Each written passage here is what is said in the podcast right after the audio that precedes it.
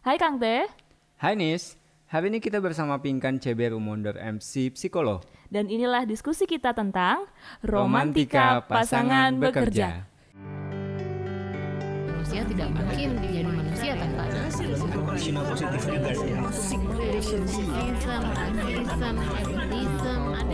Manusia adalah individu yang selfish.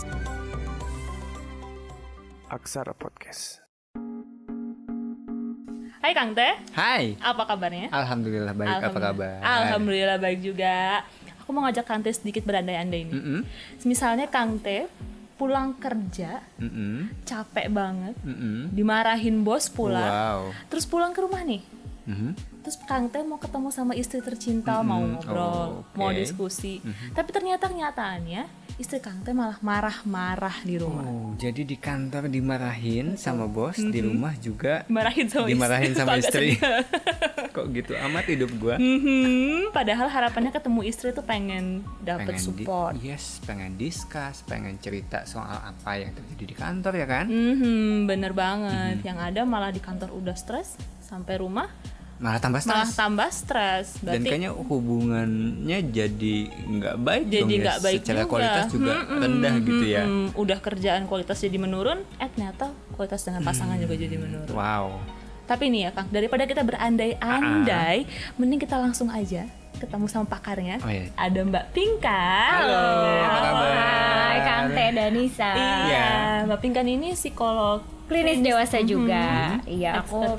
Hmm, aku lebih ke relasi interpersonal, romantis, kayak pacaran, pernikahan gitu. Nanganin uh, premarital counseling juga sama marital counseling. Kalau boleh iklan nggak? Prakteknya uh, bisa lihat di sini. Oh, boleh, boleh. Ceritanya ada. Boleh, boleh, Aku praktek juga. By way, aku prakteknya di Binus terutama, tapi juga ada di International Wellbeing Center di Dharma Wangsa. Oke. Gitu. Oke. Oke. Ngomongin tentang andai-andai tadi nih, Mbak. Iya. Tadi aku sempet nanya ke Kang Teh. Kayaknya belum kebayang sih kalau Oke. Kang Teh. Mungkin Mbak Pinkan sebagai praktisi gitu ya. Pernah nggak sih menghadapi kasus yang kayak gitu? Betul. Jadi memang ketika uh, pasangan itu masuk ruang praktek, mereka jarang sih bilang bahwa aduh uh, aku ke sini karena masalah stres kerja mengganggu hubungan romantisku. Jarang banget. Jarang sekali keluhannya seperti itu. Tapi biasanya gini keluhannya. uh, pasanganku kalau pulang, jadi misalnya istri ya mengeluhkan suaminya, pasanganku kalau pulang kayak udah capek, nggak punya energi lagi. Jadi kita nggak ngobrol deh. Ya udah dia sibuk aja main HP, terus ya udah kita tidur. Jadi nggak ada terjadi apa-apa yang menyenangkan atau um, intim buat mereka berdua. Kayak bahkan gitu. untuk sekedar discussnya aja tidak terjaga. Iya, jadinya di situ nanti bisa membuat istrinya merasa tidak dipedulikan gitu ya, rasanya jadi nggak puas dengan hubungannya. Ya nanti bisa beranjak lah ke berbagai macam masalah, misalnya masalah komitmen gitu. Jadi poinku adalah ketika tadi kan pertanyaan pernah nggak ada orang yang mengeluhkan itu? Jarang. Tapi begitu mereka cerita, ternyata stres kerja itu berdampak banget loh ke relasi. Oh, Oke, betul. dengan kata lain si relationshipnya sendiri jadi di nomor dua kan gitu? Betul, selain di nomor dua kan mungkin mereka tidak dengan sadar nomor dua kan. Karena kan gini, kalau misalnya kita kerja ujung-ujungnya buat siapa sih? Kan buat keluarga juga. Tapi tanpa disadari, ketika bekerja terlalu panjang, akibatnya waktu kan jadi habis tuh. Coba bayangin, waktu kita cuma punya berapa sih? 24 jam. jam. Kerja kalau lagi lembur banget 12 jam. Eh, let's say kayak 8 jam buat tidur, mandi, makan, sisa berapa sih? Tinggal 4 jam. Itu juga kalau nggak kena macet kan dari kantor ke rumah Iya. gitu. Jadi sangat sedikit waktu untuk melakukan hal-hal yang berkualitas dengan pasangan gitu. Belum lagi ketika di tadi kan bayangannya kalau pulang di kantor lagi banyak banget bebannya. Coba bayangin apa sih yang terjadi kalau misalnya kita dapat tekanan kayak gitu? Hmm. Apa? Pasti ya ya capek banget ya Capek, pengen Capek, pengen kan? dan lebih parah lagi kadang-kadang juga eh, jadi senggol bacok ya. Senggol Iya, bacok betul benar, persis. Nah, benar. itulah persis apa yang dihasilkan atau temuan dari penelitian. Kalau misalnya orang kerja, kemudian dia di kantornya mengalami stres, stres itu maksudnya banyak tekanan dan dia merasa nggak mampu untuk menyelesaikannya. Maka ketika pulang ke rumah yang ada dia senggol bacok.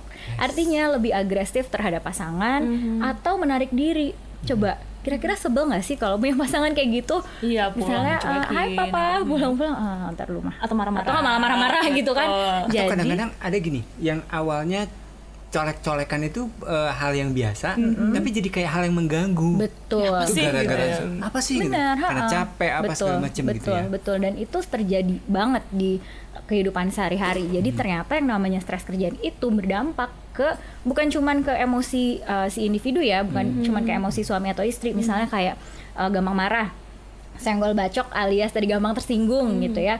Atau misalnya jadi uh, emosinya jadi sedih jadi kecewa merasa nggak mampu gitu.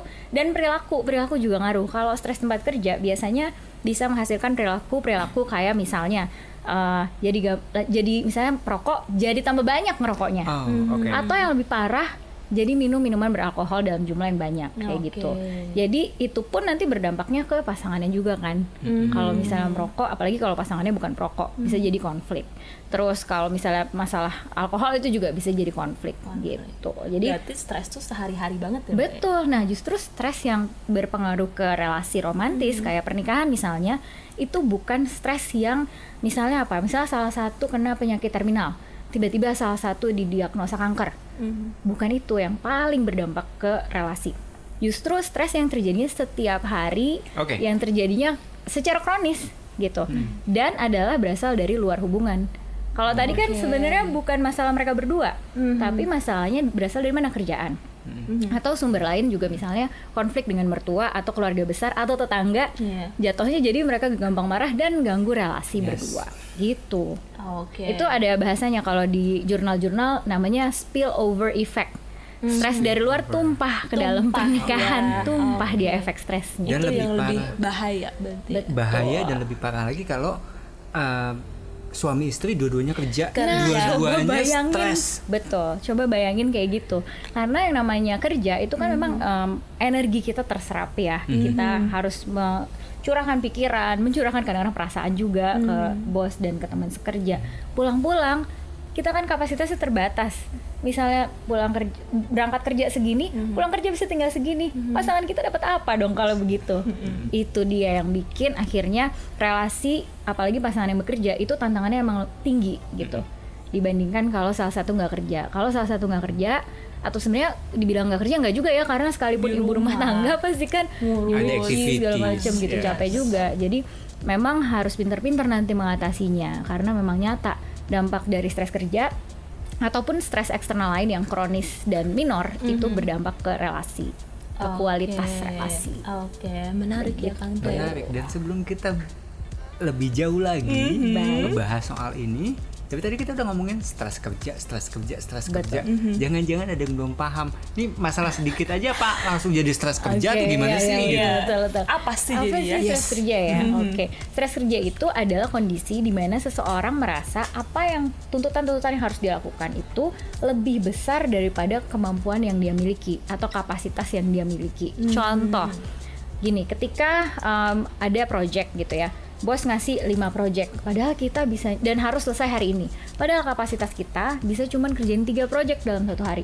Nah itu menjadi stres karena kerjaan yang diberikan lebih banyak daripada kapasitas yang kita punya gitu. Oke, over capacity. Jadi bukan stres yang kayak misalnya uh, udah sampai nggak pakai baju di pinggir jalan ya, kayak gitu bukan. oke. Atau bukan sampai depresi yang benar-benar klinis, enggak. Bahkan stres yang kita alami sehari-hari itu juga berdampak ke relasi. Nah, Gitu. Oke, jadi emang harus hati-hati ya mendefinisikan stres itu Betul. seperti apa ya. Betul, terutama stres kerja. Stres kerja itu, betul. Jadi nggak em, pasti ada tantangan di setiap pekerjaan, tetapi nggak eh, Semuanya dikatakan sebagai Stresor. Ya stresor. benar. Gitu Kalau ya. misalnya emang dia mampu dapat tugas 5 dia bisa kerjain 5 nggak jadi masalah. Nanti masalahnya hanya lebih ke waktu gitu ya. Oh waktunya jadi habis. Nanti dampaknya ke waktu berkualitas dengan pasangannya. Tapi dia nggak sampai timbul dampak yang tadi ya senggol bacok dan segala macam gitu bisa juga. Jadi yang tadi dampak dari stres kerja selain em, membuat tadi senggol bacok dan segala macam juga memang dari segi waktu dan energi itu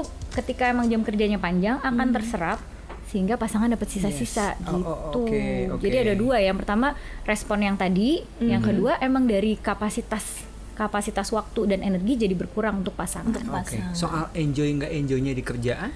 Nah, itu juga berpengaruh. Sebetulnya kalau misalnya enjoy dengan pekerjaan, itu akan membawa dampak positif justru. Karena energinya jadi positif ya? Betul. Jadi kalau cerita ke pasangan, biarpun dia capek, tapi eh tahu nggak sih sayang ya tadi di tempat kerja, ya ampun project aku dinilai A misalnya. atau aku uh, dapat penghargaan nih atau apa segala macam itu malah berdampak positif jadi kita juga mesti seimbang sih liatnya nggak selalu yang namanya kerjaan berdampaknya negatif. Kalau itu jadi stres baru negatif. Tapi kalau misalnya dia malah eh tahu nggak sih aku tadi uh, sama teman-teman ngerjain ini loh seru loh di kantor gitu itu malah jadi dampak positif buat hubungan. Itu namanya uh, yang nomor satu tadi yang berdampak negatif namanya work family conflict. Bukan. kalau yang berdampak positif namanya work family enrichment gitu. Ah, Enrichment, oke. jadi nggak emang selalu ada. konflik. Yes, Betul. karena tadi ya konsepnya adalah bekerja itu untuk menghidupi Betul, keluarga dan betul. harusnya juga bukan sekedar finansial tapi juga secara emosi, Emosi, dan juga mm-mm. uh, energi Aktualisasi positif. diri lah ya. Yes. Betul. Apalagi kalau dia kerjanya emang yang dia suka, nah itu bisa jadi positif. Oke, abis ini kita masih ada bahasan yang lebih menarik lagi nih Kang Yes. Mungkin setelah Uh, di antaranya adalah mengenai uh, mengenai tentang eh, apa namanya bagaimana ketika pasangan itu dinomor duakan Baik. karena misalnya sangat sangat baik pencapaiannya lalu pasangan jadi nomor dua oke. mungkin abisnya Oke. kita akan bahas itu di segmen berikutnya ya Oke.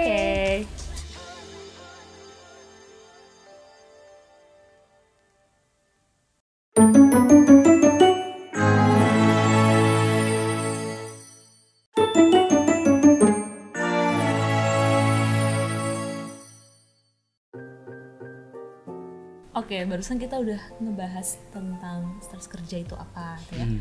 Dan tadi kita sempat ke-mention juga soal eh, gimana kalau misalnya si pasangan ini di nomor dua kan akibat betul. dari stres kerja yang Terjadi. Ini Betul. dampaknya akan Betul. seperti apa? Tadi kan kita udah bahas tuh kalau misalnya stres kerja pulang ke rumah jatuhnya kayak gimana ya kan marah-marah senggol bacok udah gitu misalnya jadi withdrawal jadi Yes. menarik diri dari pasangan sekarang bayangin kalau punya pasangan kayak gitu senang nggak kita malesin sih. Aku sih no. Aku ya juga kan? no. Jadi kalau secara teori interdependence model perilaku-perilaku kayak gitu membuat pasangan yang dicuekin karena sibuk kerja atau karena stres kerja itu jadi menganggap hubungannya kurang memuaskan Oke. karena dia berpikir kayaknya nggak gini deh yang namanya pernikahan gitu ya dia udah punya semacam harapan bahwa harusnya tuh kalau suami istri ya ngobrol dong gitu atau misalnya punya quality time bersama nonton film kayak nonton Netflix atau apalah gitu kan.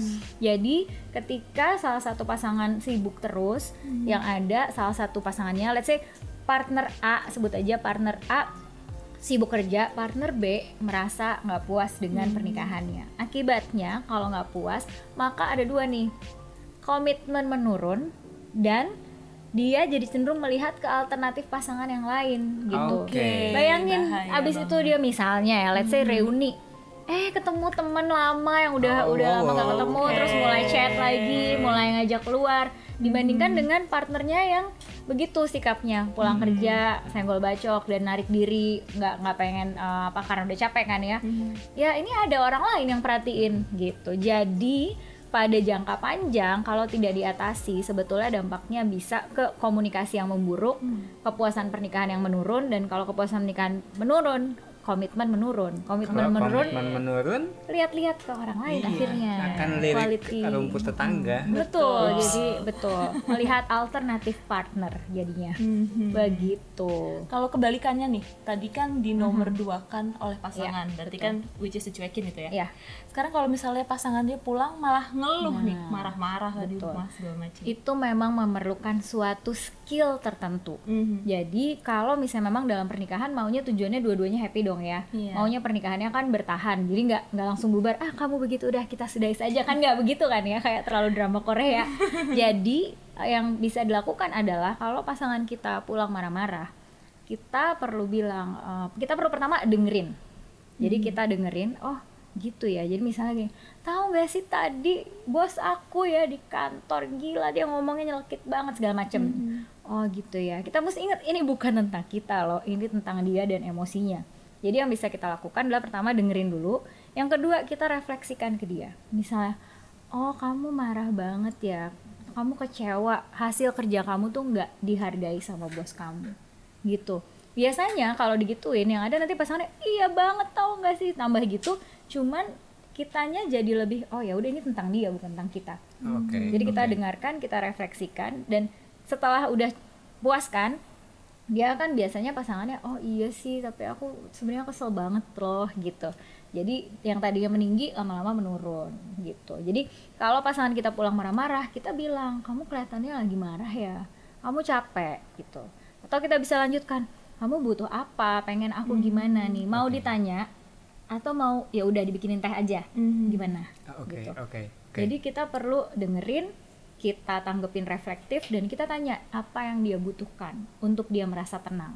Oke, jadi fokusnya adalah ke dia.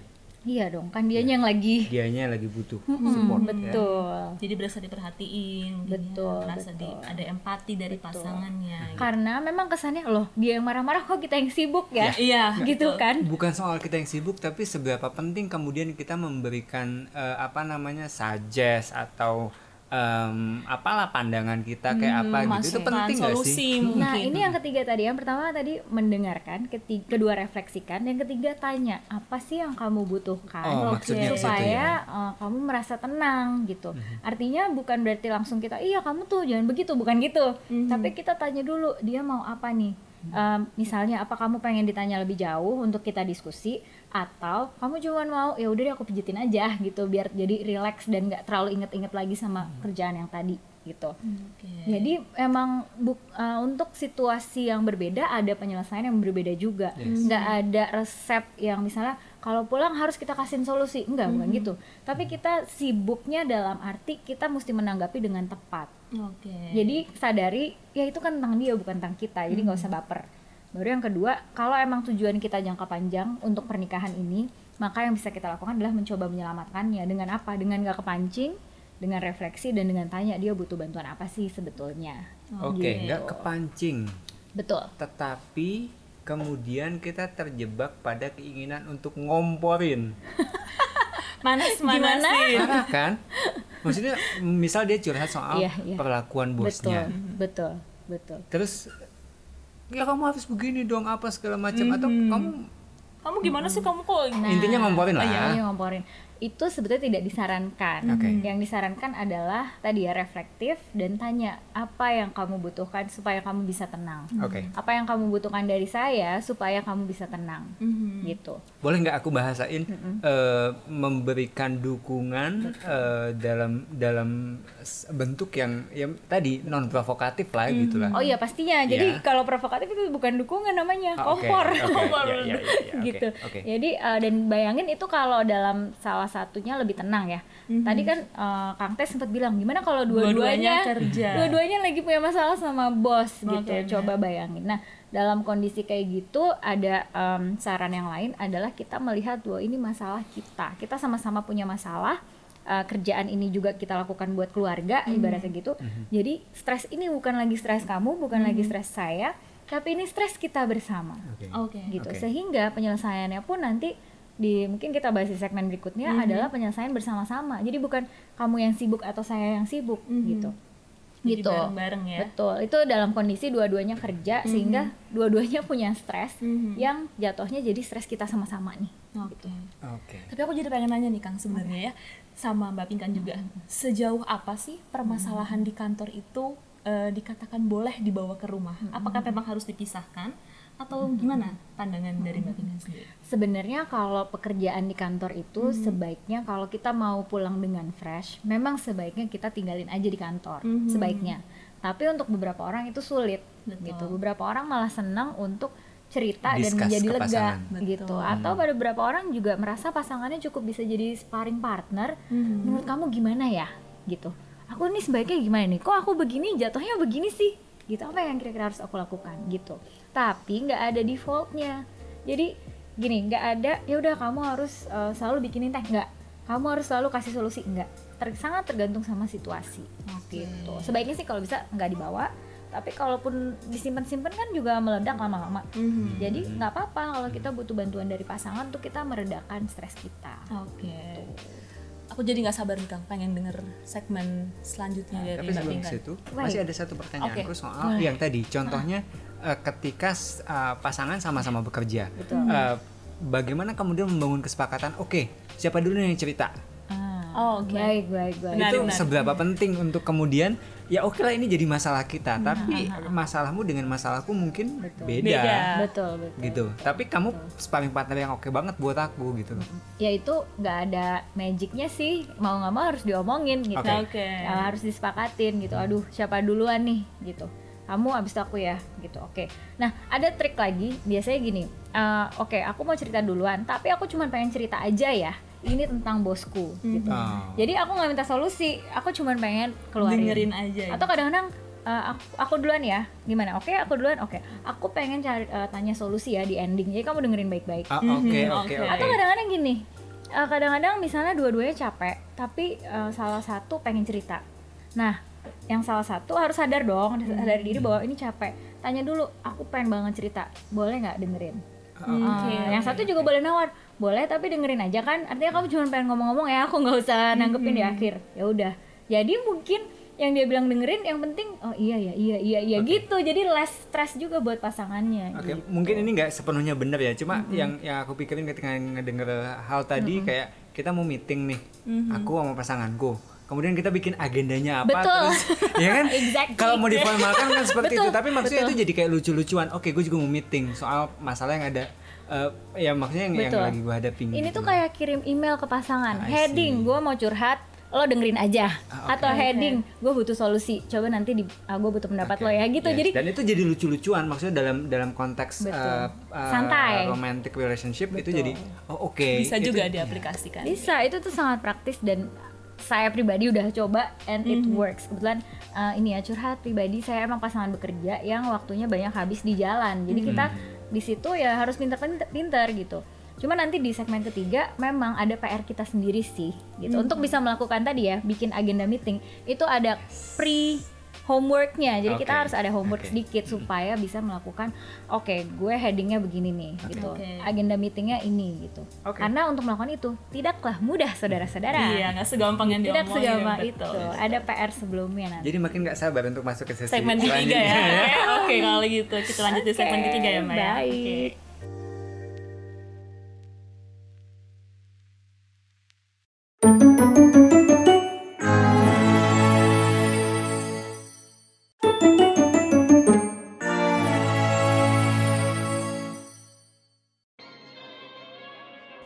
Oke Kang, kita masuk ke segmen terakhir. Tadi Mbak Pinkan sempat mention mengenai PR. Yes. PR terkait diri sendiri tentunya. Mhm. Kita langsung tanya aja ke Mbak Pinkan. Tadi PR yang dimaksud tuh apa Mbak? Betul.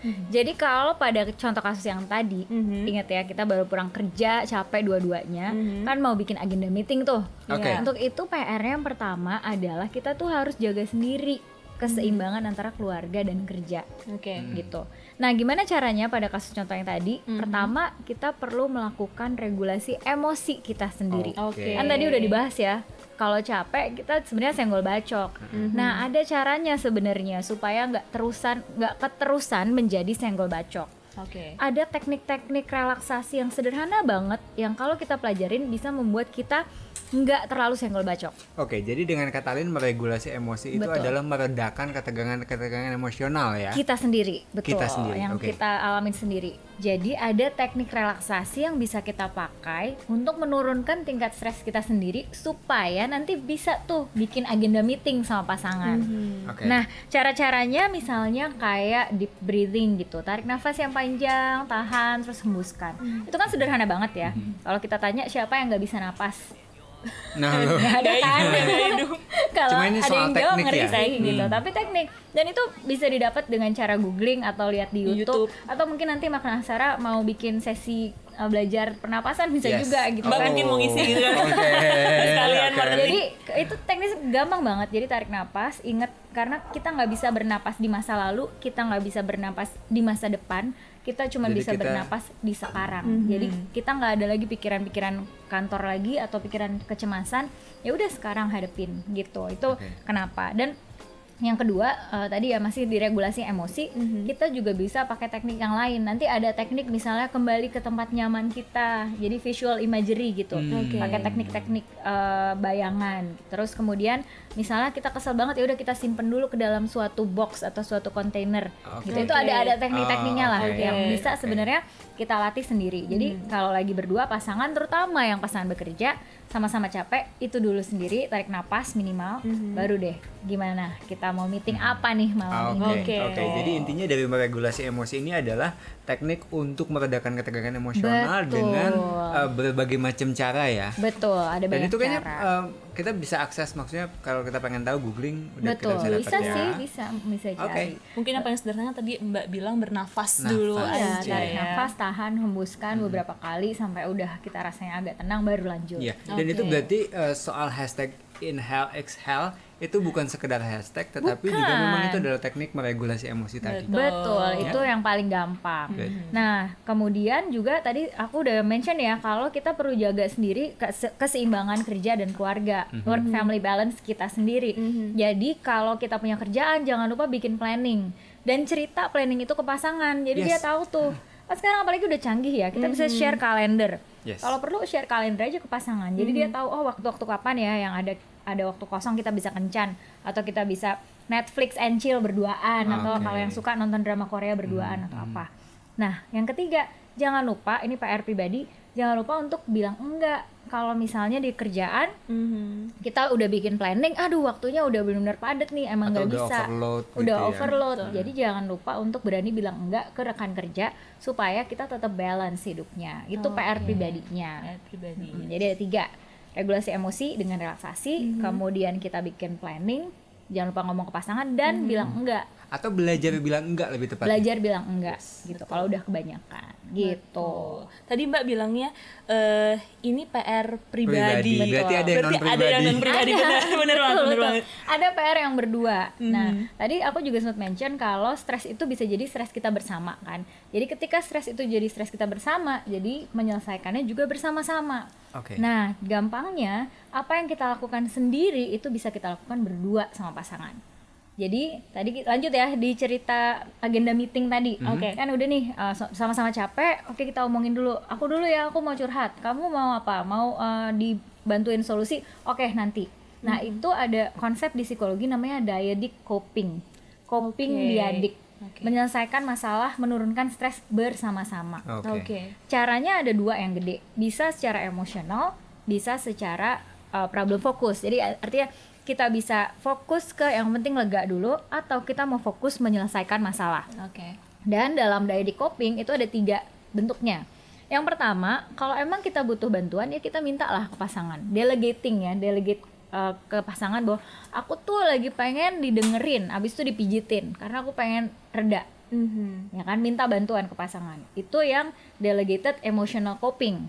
Bisa juga kita delegated tapi yang problem fokus. Coba bantuin aku mikirin kalau bas aku kayak gini sebaiknya aku gimana ya? Gitu. Jadi kan kita dapat sudut pandang orang ketiga nih. Orang ketiga dari masalah yang kita alamin di kerjaan.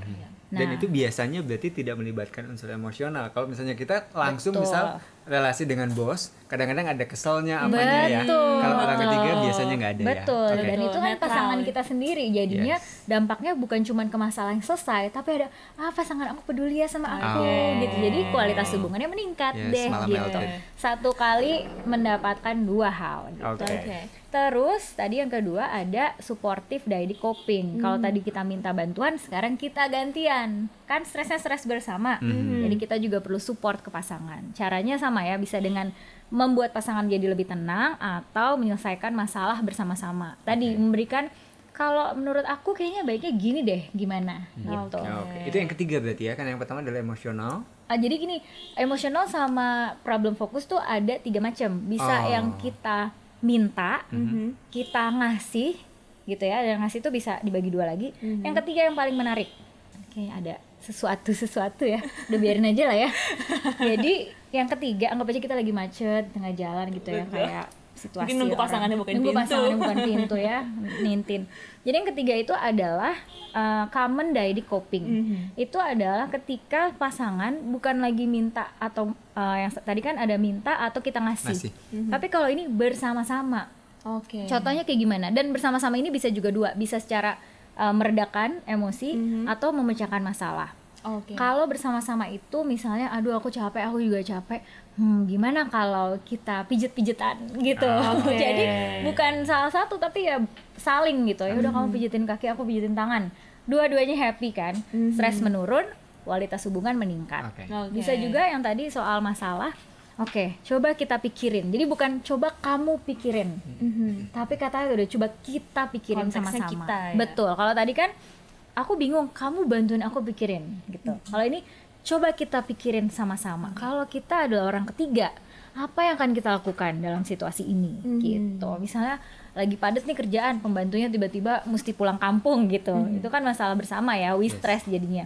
Coba kita pikirin gitu. Jadi itu tadi gimana caranya kita mensupport secara bersama-sama gitu. Oke. Hmm. Tadi udah secara pribadi, Pribadi terus tadi Berdua. sama-sama. Mm-mm. Gimana kalau kondisinya dua-duanya nggak bisa diajak kompromi? Betul, kadang-kadang mungkin udah saking kecapean ya, apalagi kalau tadi misalnya, aduh pembantunya pulang nih, gimana nih? Gitu, dua-duanya punya kerjaan, dua-duanya orang penting, tapi ada anak, ada rumah yang harus diurus.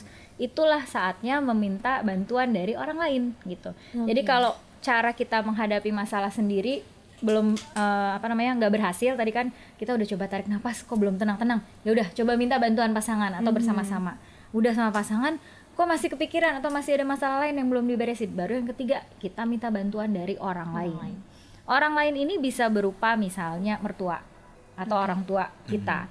Misalnya tadi ya untuk masalah aduh besok wah, nggak ada membantu nih telepon. Ma bisa tolong nggak ke rumah jagain anak? misalnya. Atau misalnya uh, oh kita punya asisten rumah tangga yang lain gitu.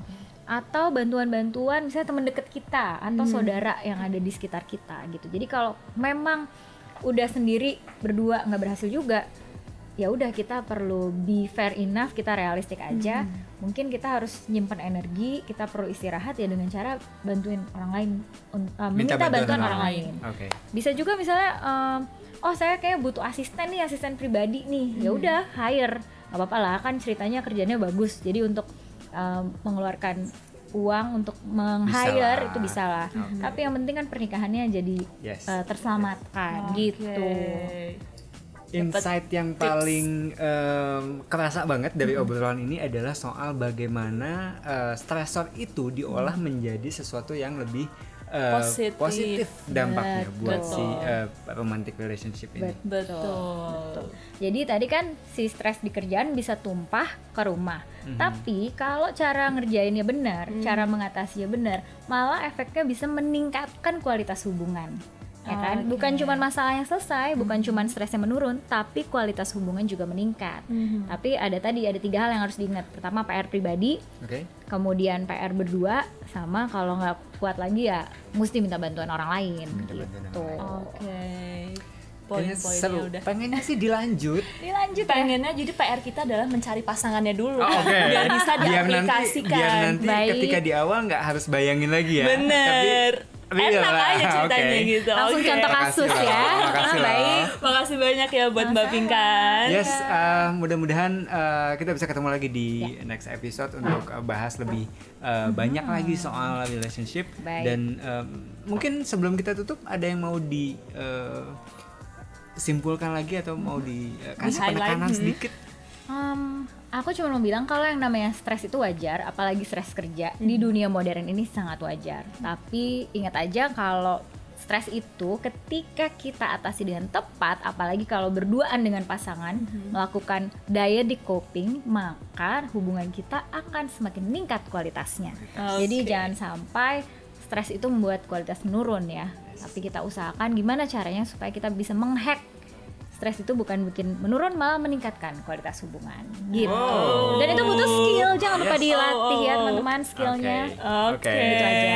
Thank you banget loh obrolannya. terima kasih banget, Mbak Seru sekali. Thank you Sukses selalu dengan uh, aktivitasnya. thank you Oke. banget sama-sama Kang Teh dan Nisa Salam buat Thank keluarganya, you. buat pasangannya Iya, apalagi. ha-ha, nanti disampaikan ya Oke. Mbak Pinkan sampai ketemu lagi. Ya, Ketemu lagi, terima terima kasih. kasih bye